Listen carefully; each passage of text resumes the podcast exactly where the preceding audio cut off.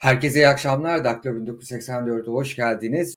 Konuda 10 büyükelçiyi cidden geri gönderecek miyiz, gönderemeyecek miyiz diye biliyorsunuz Cumhurbaşkanı Recep Tayyip Erdoğan Kavala davası konusunda 10 büyükelçinin Türkiye'ye bir mektup yayınlamasının ardından 10 büyükelçi sınır dışı edeceklerini, istenmeyen adam ilan ettiklerini ilan etti ve bunun üzerine tabii ki de gündem değişti ve herkes bunun gerçekten olabileceğini mi, bunun iç siyasete yansımaları ve tabii ki de en önemlisi e, dış politikamızı, Türkiye'nin dış politikasına yansımasını merak ediyor. Biz de hemen konuğumuz e, Doktor Yasemin Bilgel'e bağlandık. Kendisini davet ediyorum. Yasemin Hanım hoş geldiniz. Merhaba, hoş bulduk. Yasemin Hanım Deva Partisi'nin e, dış politikalardan sorumlu, aynı zamanda güvenlik politikalarından sorumlu e, başkanı. Onu da tanıtmış olayım. İsterseniz Yasemin Hanım önce Cumhurbaşkanı Recep Tayyip Erdoğan'ın açıklamasını bir dinleyelim kısaca. Ne dedi bugün? Nasıl bir mesaj verdi? Ardından bunu yorumlamaya başlayalım.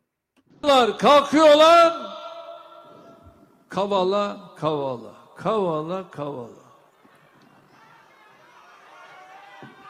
Yahu Kavala dediğin Soros'un Türkiye şubesi. 10 tane büyükelçi bu 10 tane Dışişleri Bakanı'nın Dışişleri Büyükelçi. Bunların bir an önce istenmeyen adam ilan edilmelerini hemen halledeceksiniz dedi. Evet, Cumhurbaşkanı Erdoğan'ın açıklamaları bu şekildeydi. Siz peki ilk bunu duyduğunuzda ne aklınızdan geçti? Yani o ilk anda ne düşündünüz Yasemin Hanım? Yani şöyle söyleyeyim size ben bugün öğleden sonra başka bir yayındaydım. Evet, televizyon yayınında yine bu konuyu konuşuyorduk. Ve ben aynen şu cümleyi kullandım. Evet bunu dedi çünkü hatırlarsanız 19 Ekim'de de bir açıklaması vardı. Evet. Sayın Cumhurbaşkanı'nın ee, işte biz bunları ülkemizde ağırlamak gibi bir lüksümüz olamaz. Dışişleri Bakanımıza bunu söyledik. Şimdi ben de bunu analizle yapıyorum. Ben evet yani bir ihtimal var. Bunların istenilmeyen kişiler per, persona non grata ilan edilebilecekleri ihtimali var ama ben böyle bir şey ummadığımı, düşünmediğimi, en azından buna inanmak istediğimi söylemiştim programda. Program bitti. İki dakika sonra Cumhurbaşkanı bu konuşmayı yaptı. Ben şöyle görüyordum. O kadar ciddi ve bahim sonuçları olan bir karar ki bu eğer gerçekleşirse. Ben o nedenle Cumhurbaşkanı'nın da bu kararın sonuçlarını öngöreceğinden dolayı bunu fiiliyete dönüştürmeyeceğini düşündüm. Bunun daha çok iç siyasete, iç kamuoyuna yönelik. Çünkü Cumhurbaşkanı'nın dönem dönem bu ey Amerika, ey Avrupa, şimdi de işte 10 büyükelçi bu tip o kadar açıklamaları oldu ki evet herkesin kafasında soru işaretleri oluştu. Ama bu daha çok iç kamuoyuna yönelik. Hani ben dik duruyorum dış dünyaya karşı, diğer devletlere karşı, özellikle batıya karşı. Buna yönelik bir söylem olarak düşünmüştüm. Tabii yayın bitti ve Sayın Cumhurbaşkanı da ben talimatı verdim deyince tabii iş gerçekleşti. Ama burada bile ben yine dikkatli olunması gerektiğini düşünüyorum. Çünkü o kadar ciddi sonuçları olacak bir karar ki bu. Bu gerçekten hayata geçirilecek mi? Halen inanmak istemiyorum. Umutlu, ümitli olmak istiyorum diyeyim size. Bu açıklamadan bir süre sonra BBC Türkçe'nin e, açıklamasına göre aldığı bilgilere göre süreci takip edeceğiz diye bir açıklama yapmış Dışişleri Bakanlığı e, yetkilileri BBC Türkçe'ye. E, bu, bu, bu açıklamayı nasıl değerlendiririz? Yani Cumhurbaşkanı el arttırıyor, Dışişleri de acaba biraz uzatmaya ve hani hasar kontrolü yapmaya mı çalışıyor? E, bu acaba Mevlüt Çavuşoğlu'ndan Dışişleri Bakanı'ndan habersiz yapılmış bir açıklama olabilir mi? Yani bu iki açıklamayı ardarda arda nasıl değerlendirirsiniz? Olabilir ve inşallah da öyledir. Çünkü şöyle bir gerçeğin altında da tüm bu dış ilişkiler yönetiliyor. Tek adam rejimi yani Cumhurbaşkanlığı hükümet sisteminde Sayın Cumhurbaşkanı da sürekli tek tek yetkili benim diyor. Şimdi böyle bir ortamda tabii Sayın Cumhurbaşkanı'nın ağzından çıkan bir şey ve kurumların da artık ne biliyoruz bu Cumhurbaşkanlığı hükümet sistemine geçtiğimizden beridir kurumlar da doğru bir şekilde işlemiyor. O nedenle e, bir şey diyebilmek şu açıdan zor. Umuyorum hani Sayın Cumhurbaşkanı bunu söyledi. Dışişleri Bakanlığı tarafında bu tartışılıyor ve makul bir yere gelinecek ve bu karardan dönülecek. Hani Türkiye'nin menfaatine olan e, tutumun ben bu karardan geri dönülmesi olduğunu düşünüyorum.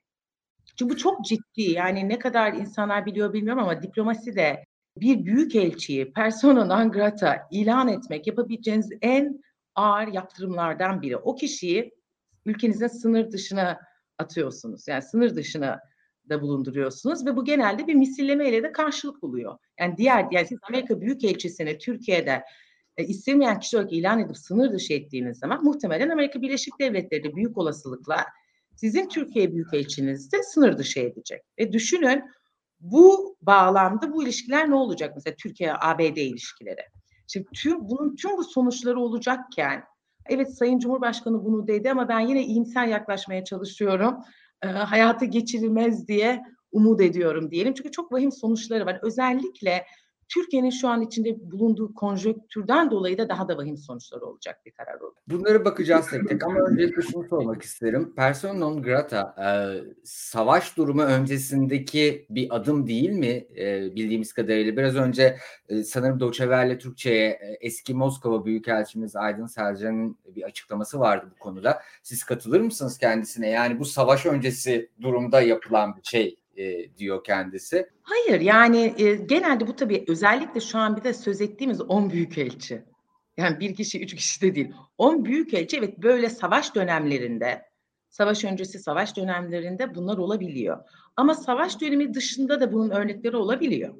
Yani büyükelçilerine hatırladığım kadarıyla Mısır'la Türkiye arasında da bir ara olmuştu. Fakat bu illa savaş ilanı vesaire şu demek demek değil değil. Ama, ama o, o kadar e, önemli bir şeyden bahsediyoruz değil mi? Çok önemli sanırım dünya tarihinde de böyle bir savaş dışı durumunda 10 tane büyük elçinin e, istenmeyen kişi ilan edilip sınır dışı edildiği de pek bir örnek yok.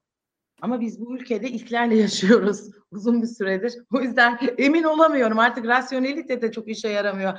Analitik güç e, evet. nelerin olmayacağını kestirebilmek için. Ee, öyle, isterseniz siz de hatırlattınız. 10 ee, büyükelçi hangi ülkelerin büyükelçileri ve kimler bunlar? Ekrana yansıttık. Ee, ABD'nin büyükelçisi var ki kendisi sanırım yeni geldi. Hatta bayağı da zor geldi. Ee, uzun bir süre büyükelçisiz kalmıştı Türkiye'deki e, Amerika'nın e, büyükelçiliği. Almanya'dan e, Almanya'da bahsediyoruz. Türkiye'nin en büyük e, ekonomik partnerlerinden biri. Danimarka, Finlandiya, Fransa, Hollanda İsveç gibi Avrupa Birliği ülkeleri e, var bu bu e, ülkeler arasında ve bu bu ülkeler e, en büyük ekonomilere e, sahip ülkeler aynı zamanda. Kanada, Norveç ve Yeni Zelanda gibi e, Batı bloğu diyebileceğimiz e, ülkelerin de e, büyük elçilerinin persona non grata ilan etmek üzereyiz. E, peki bu ülkeler e, karşılıklı olarak bizim büyük elçilik elçilerimizi de e, gönderirler mi? Yani evet dediğiniz gibi başta bunu yapabilirler. Ama cidden hani böyle bir hamleden sonra bu hamleyi ciddiye alıp geri gönderirler mi?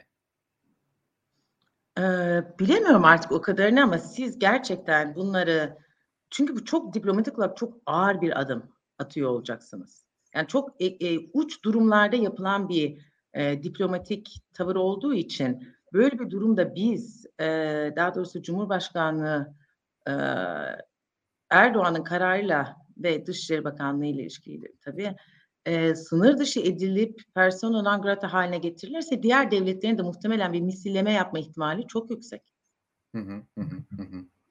Ee, çok siz, ağır bir adım siz ya tabii bunun bir iç politik mesajı daha fazla olduğunu düşünüyoruz. En azından benim e, düşüncem o şekilde. Oraya gelmeden önce onu da konuşalım. Yani neden bu kadar bir anda hani e, yani NATO'dan mı attılar bizi ya da ne bileyim AB'den e, müzakereleri tamamen e, askıya mı aldılar, kapattılar, müzakereler bir tane. Öyle bir durumda yapılacak bir şey belki e, bu dediğiniz gibi çok ağır bir şey. Ama siz bu akşam bir tweet attınız yaklaşık 3 saat önce. E, o tweet zincirinizde e, milli menfaatlerimiz doğrultusunda bu ülkelerle işbirliğimizde olduğundan bahsediyorsunuz.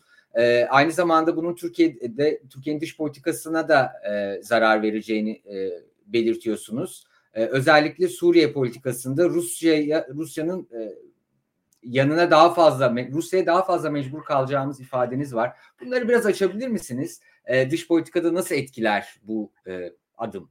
Tabii. Buna gelmeden önce kısa bir şey daha söylemek istiyorum. Bu 10 büyükelçinin ortak imzaladığı bu açıklama metni de aslında onlar da bir tepkinin geleceğini bilmeden bunu açıklamaları mümkün değil.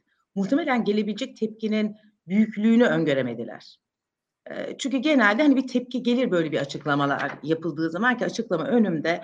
Hani evet Osman Kavala'nın ayın kararı olmasına rağmen serbest bırakılmasını e, çağrısını yapıyorlar ama işte Türk yargı sisteminde demokrasiye saygıyı, hukuk devleti ve şeffaflık ilkelerini gölgelediği. Yani bu aslında bir tepki verilebilecek bir açıklama. Ama buradaki sorun tabii daha önce de bahsettiğimiz gibi karşılığı bu mu olmalı? Bu bu önemli ama onlar da bir tepki geleceğini muhtemelen e, biliyordu. Şimdi bunun e, niye sonuçları bana göre e, çok vahim.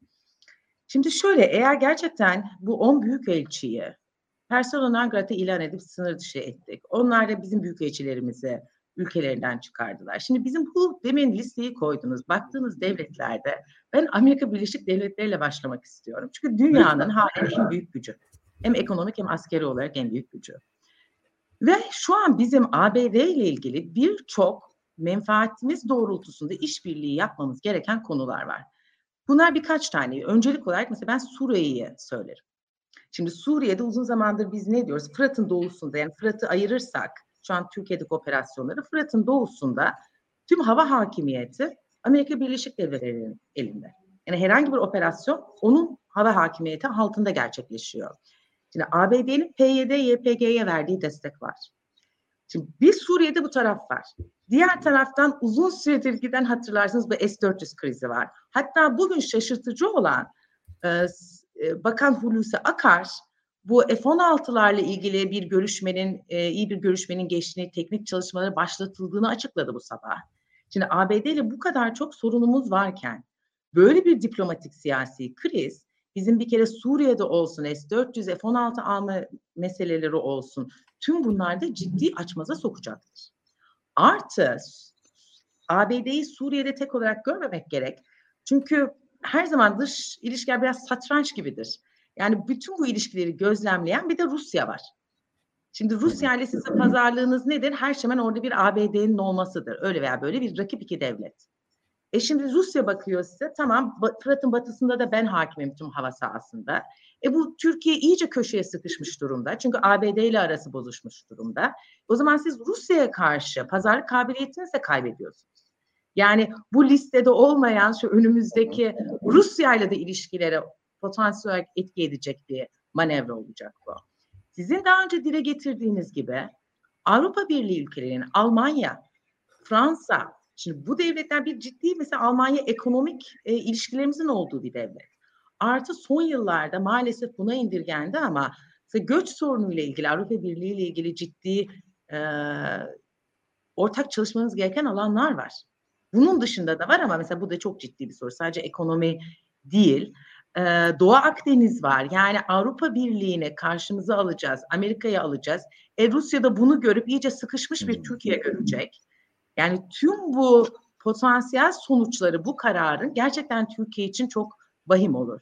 Ayrıca bir şeyin de altını çizmek istiyorum. Lütfen. Bu Türkiye'nin en e, kendini en az kırılgan hissettiği dönemde gerçekleşen bir siyasi krizde olmayacak. Bunu şu açıdan diyorum. Türkiye ekonomik olarak çok zayıflamış bir durumda. Yani doların e, değerinin şu noktalarda Türk, Türk TL'ye karşı görüyorsunuzdur. Ekonomik olarak zayıflayan bir Türkiye var. Artarak yalnızlayan bir Türkiye var. Gittikçe yalnızlaşıyor.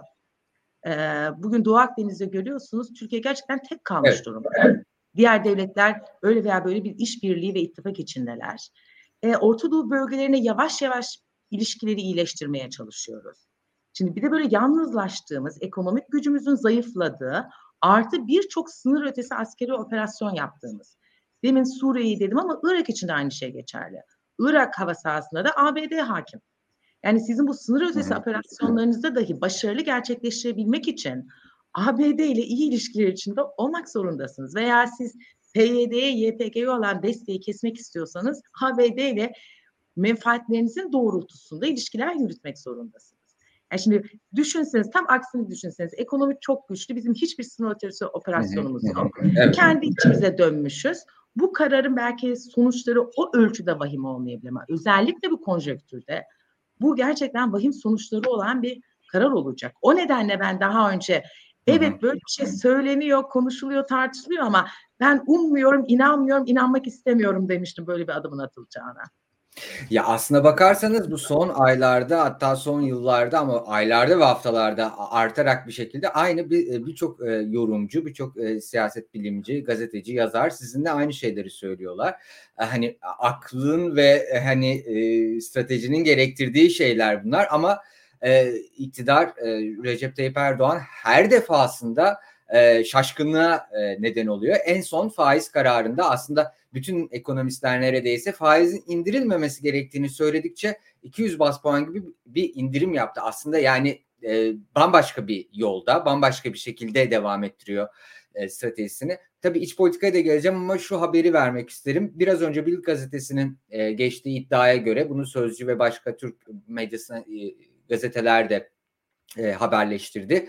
Hollanda Büyük Hollanda'nın Ankara Büyükelçisi'nin sınır dışı edildiğine dair bir açıklama gelmişti. Yaklaşık bir saat boyunca bu haber döndü. E, ekranda da görüyorsunuz. Ama Dışişleri Bakanlığı'ndan bir açıklama yapıldı biraz önce. Dışişleri Türkiye'nin Dışişleri Bakanlığı dedi ki Hollanda'nın Ankara Büyükelçisi'nin sınır dışı edildiği iddiaları gerçek dışı dedi. Böylelikle bu durumda e, toplanmış oldu. Tabii Bild bunu hangi e, kaynağa dayandırarak haberini yaptı bilmiyoruz. E, ilerleyen günlerde kokusu mutlaka çıkacaktır.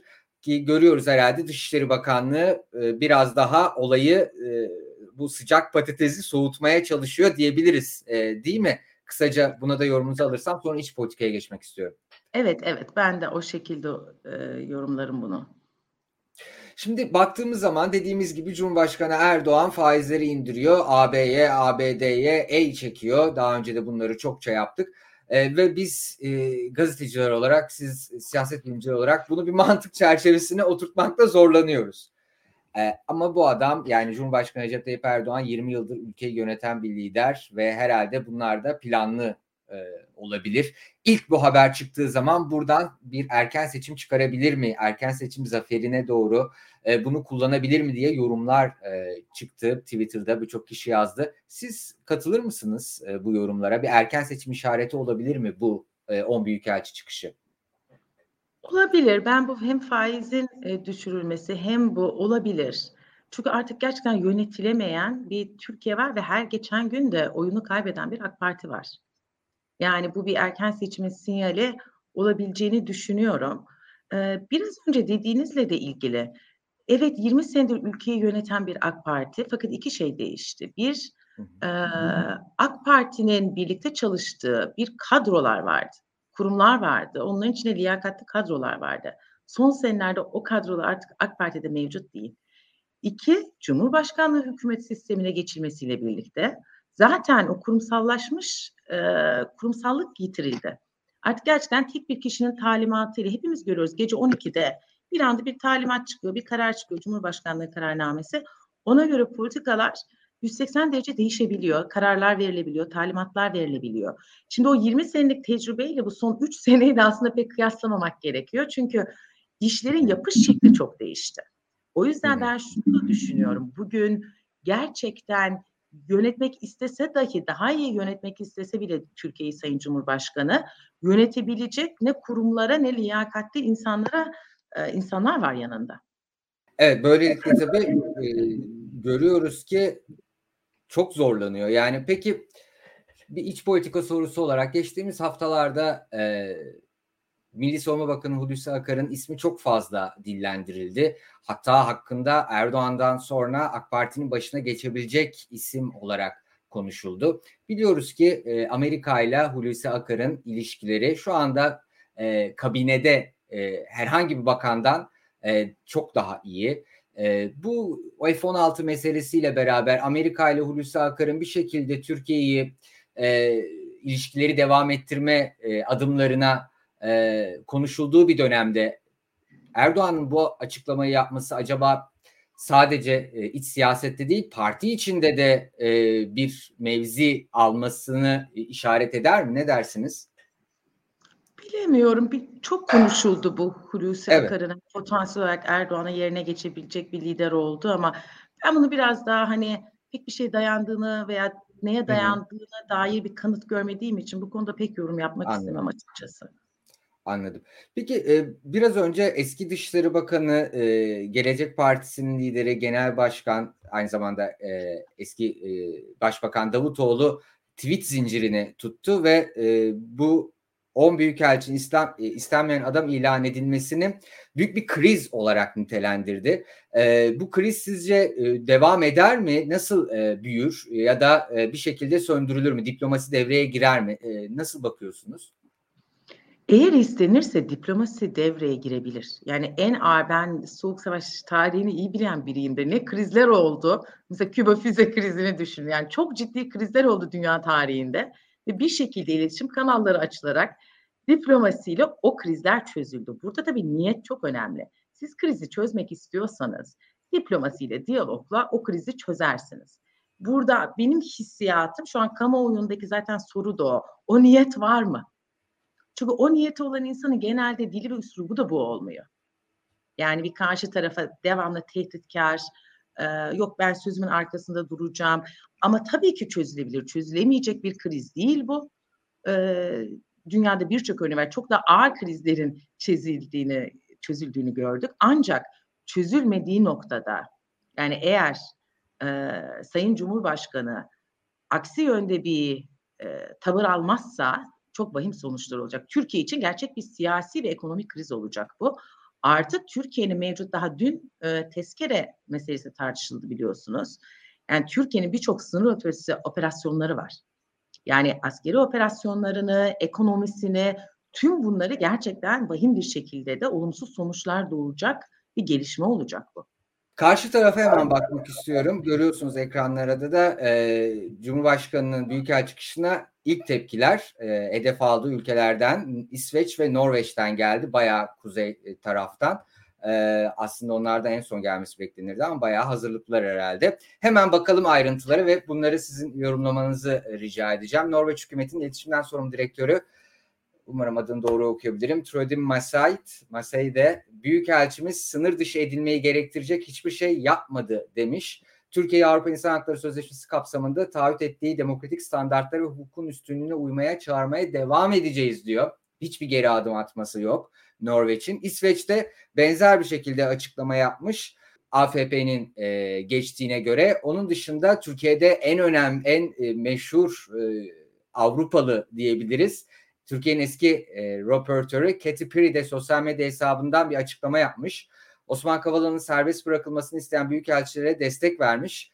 Katy Perry tüm AB'nin istenmeyen kişi ilan edilen büyükelçilere destek olması gerektiğini dile getirmiş. Bu zamana kadar biliyoruz ki birçok yerde e, AB geri adım attı Erdoğan karşısında. Bunda da haklı payları da var çünkü göçmen konusu e, bayağı sıcak bir konu Avrupa'da. Ama şu anda iki e, açıklama geldi sıcak sıcak Avrupa'dan. Geri adım atmıyorlar. Bu acaba Avrupa'nın Türkiye politikasında yeni bir evrenin işaretleri olabilir mi yoksa bunun için erken mi? Şimdi bunun için erken bir de şunu söylemek istiyorum. Demin e, ilk büyükelçinin e, ilk şeyin açıklaması kimin açık Norveç'indi değil mi? Norveç, evet. Şimdi buradaki sorun ayrıca Osman Kavala'nın e, serbest bırakılmasına dair o bir e, çağrı yapılması, bir açıklama yapılması değil. Yani bu zaten dışlarında çok olan bir şeydir. Yani bir açıklama yaparsınız, bir görüş bildirirsiniz yazılı, sözlü olarak. Fakat bu tabii Twitter'dan yapıldı. Ee, aynı zamanda daha geçenlerde Avrupa Konseyi'nin Türkiye raporu vardı. Yani bunun birçok kanalı vardı aslında. Çünkü bahsettikleri konu şunu da altın çizmek gerekiyor. Sayın Cumhurbaşkanı sinirleniyor ama Hani biz Avrupa Konseyi kurucu üyesiyiz. Ve Avrupa İnsan Hakları Sözleşmesi'ni imzalamış bir ülkeyiz ve bizim anayasal olarak da bizi bağlıyor bu sözleşme. Yani biz aslında bugün itiraz ettiğimiz şey biz Avrupa İnsan Hakları e, Mahkemesi'nin kararını tanımıyor hale geliyoruz. Yani burada aslında dile getirdikleri konu e, bizim hukuki olarak da bizi anayasal olarak bağlayan bir konu. Şimdi bunu bu şu var. Bu farklı şekillerde dile getiriliyor. Zaten raporlarda da bunu görüyorsunuz. Bu çıkan raporda Türkiye ile ilgili son e, hukuktaki gerileme, işte denge demetleme mekanizmalarının olmadığı vesaire gibi Türkiye'ye dair eleştiriler var. Fakat bunun bu şekilde böyle 10 büyük elçi bir araya gelmiş içinde işte ABD'de var, Kanada'da var, Yeni Zelanda'da var, Twitter'dan bir açıklama. Çok usulen de doğru bir açıklama değil de hı hı. şu da vardır. E, Yani tarih boyunca da bu böyle olmuştur. Bir ülkeye bu kadar açık ve ters usulen de tepkiler verdiğiniz zaman muhakkak bir geri tepki gelir. Yani onlar da bunun nasıl karşılanabileceğini üç aşağı beş yukarı öngörebiliyorlardı. Belki şu boyutu göremiyorlardı. Persona Grata tarafını göremiyorlardı ama sert bir açıklamayı hatırlarsınız Trump'ın mektubu vardı Sayın Erdoğan'a. Evet. Çok ağır bir mektuptu düşünürseniz. Olabilecek en ağır mektuplardan biriydi. Ee, o neden yani bunlar olabilir ama burada meseleyi iki tarafında aslında günün sonunda ne yapmak istediğiyle ilişkili, niyetleriyle ilişkili. Ve ben sadece şunu görebiliyorum yani Türkiye'nin menfaatinin muhakkak ki bu, bu sorunu çözmesi, diplomasiyi kullanarak, diyaloğu kullanarak. Çünkü Türkiye'ye sonuçları çok vahim olacak. Bu devletler krize girmenin. Yani siz tabii biraz böyle yumuşatmak için e, yol önerirken e, AP Başkanı'ndan Erdoğan'a yanıt gelmiş. Yılmayacağız diyor. Avrupa Parlamentosu Başkanı David Sassoli, Cumhurbaşkanı Recep Tayyip Erdoğan'ın açıklamasına e, yılmayacağız diyerek tepki göstermiş. E, Almanya Dışişleri Bakanlığı'ndan bir kaynakta 10 ülkenin konuya konuyu aralarında görüştüğünü söylemiş. Yani bu 10 ülke istişare e, için e, şu anda birbiriyle görüşüyorlar ve Avrupa Parlamentosu Başkanı'ndan da böyle bir açıklama geldi. Ben bu iş bayağı e, uzayacakmış e, gibi geliyor aslında diplomatik e, şeyden nazaran. Bunlara ne, ne, nasıl bir e, yorum yaparsınız? Hani evet bir geri adım yok e, o taraftan. E, o kesin. Zaten bu açıklamanın da bir tepki doğuracağı e, biliniyordu bence. Yani bu çok şaşırtıcı değil. Çünkü Sayın Cumhurbaşkanı da tanıyorlar. Ayrıca usulen de hani doğal olarak e, yargı sistemini vesaire hedefleyen bir e, açıklamaydı. Hak, gerek, haklı bir gerekçesi olmasına rağmen neticede ayım kararına uyulmaması kullandıkları gerekçe açıklamada. E, bilmiyorum yani bu görüşmeler sırasında çünkü şunu da düşünmek gerekiyor. Türkiye'nin burada çok önemli menfaatleri var bu ilişkileri doğru yürütmek için. Kendi menfaatleri doğrultusunda işbirlikleri yapabilmesi için. Ama diğer devletlerin de yok değil.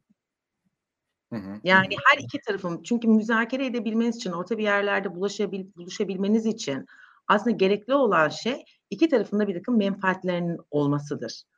O noktada belki bu görüşmeler sonucunda iki tarafı da rahatsız etmeyecek, hani iki tarafta çok geri adım attığını hissetmeyecek bir yerde de buluşulabilir ve en azından onu umut ediyorum. Evet yani şu anda tabii olaylar e, gelişiyor ve birçok isimden de açıklamalar ard arda geliyor diyebiliriz.